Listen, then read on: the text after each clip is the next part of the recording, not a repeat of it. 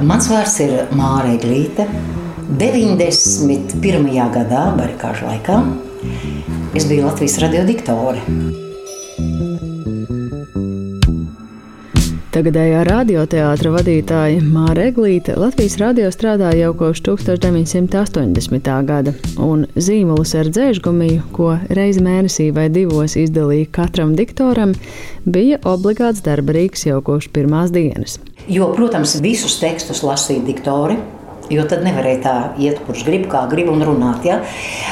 Bet šie teksti bija, protams, cenzēti jau, un sevišķi, kad nesa ziņas, kuras arī bija jau izcenzētas, tad mēs, diktori, ļoti cītīgi gājām pirms tam visām ziņām, tāpat visiem tekstiem cauri, likām loģiskos uzsvars kur teikumam jāiet uz leju, kur teikumam jāiet uz augšu. To mēs visi sazīmējam tajā tekstā. Un līdz ar to tas zīmols ir nu, faktiski mans dzīves neatņemama sastāvdaļa. Bet barikāžu laikā zīmoļa nozīme krasi mainījās. Agrāk cenzēto tekstu vietā visu laiku nāca klāt jaunas ziņas, ko redaktori nevienmēr paspēja līdz galam noformēt, un tekstu rediģēšanā bija jāiesaistās arī pašiem diktoriem bija ļoti daudz šādu visi, gan aicinājumi, gan uzsaukumi, gan, nu, es saku, tas mainījās uz vietas, nāca iekšā un vēl rakstīja tekstu, ko teikt, ko darīt, ko būt, jā, tā kā. Un tas ir tev arī kā diktorē, milzīgi pārmaiņas. Protams, protams, es, es biju pieraduši lasīt tikai uzrakstīto tekstu, jā. Nu, es saku, pasargdies, ja mēs savu vārdu gribētu iespraust. Šodien jau cita lieta, ja? bet, bija, bet tur tev, tev nācās vienkārši domāt, ko tu teiksi, kā tu teiksi. Ja? Nu, tur tev nācās jā, būt divi vienā apmēram tajā brīdī.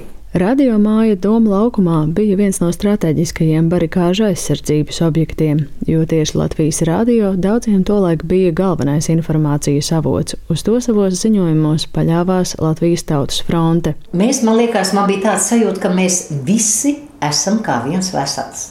Mūsu visu laiku translēja laukumā, doma laukumā, skanēja radio. Ja? Visiem cilvēkiem pie ausīm bija šie mazie tranzisti, jo likās, nu bez tā tu nekur nevar iet. Nekur. Un tad, ja kaut kur kaut kas uzreiz nāca ekstra sludinājumu, kas bija jāpasaka, vai tur to vajag, vai tur šito vajag. Vienā reizē eglītes maiņas beigās ēterā izskanējis paziņojums, ka barikāžu sargiem uz brāzas tilta trūkst ēdamā. Mēs ar vīru Es domāju, nāk raudiens pašai tagad.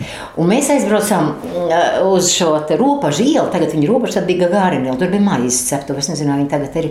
Mēs iegājām caurlaidē un teicām, vai jūs mums varētu iedot maizīt aizvest cilvēkiem. Mums iznes divas kastes siltu maizīt. Un mēs viņai aizsakām cilvēkiem. Nu, vienkārši nu, nu, tā, nu, es domāju, ka katrs mēs piedalījāmies, kā mēs varējām. Katrs. Atšķirībā no vēlākā augusta puča, janvāra barikāžu laikā Omon Latvijas radio neieņēma. Bet Māra Eglīte atceras, kā tolaik izskatījās radiomājas iekšienē. Te bija kā karalauks. Tiešām, nu, te var teikt, tiešām bija kā ierakumos. Ja? Jo viss tās kāpnes, kas iet augšā uz otro stāvu tagad, ja? Tur bija viss ar smilšu maisiem salikts. Un tad mums diktāra istabā, mums tur bija tāds um, nu, lokus, tagad viņš ir aiztaisīts ciet uz tādu šahtu, ja? no kuras caur logu tur redz nākamais lokus pretī ir finanšu ministrijas, un tur bija pāri tā dēļu laipa. Un mums bija noteikts, ja nu kas, tad jūs pa to laipu uz to finanšu ministriju. Es pa ūreiz domāju, nu jā, tad tikai rāpus kaut kā varbūt pāri. Ja?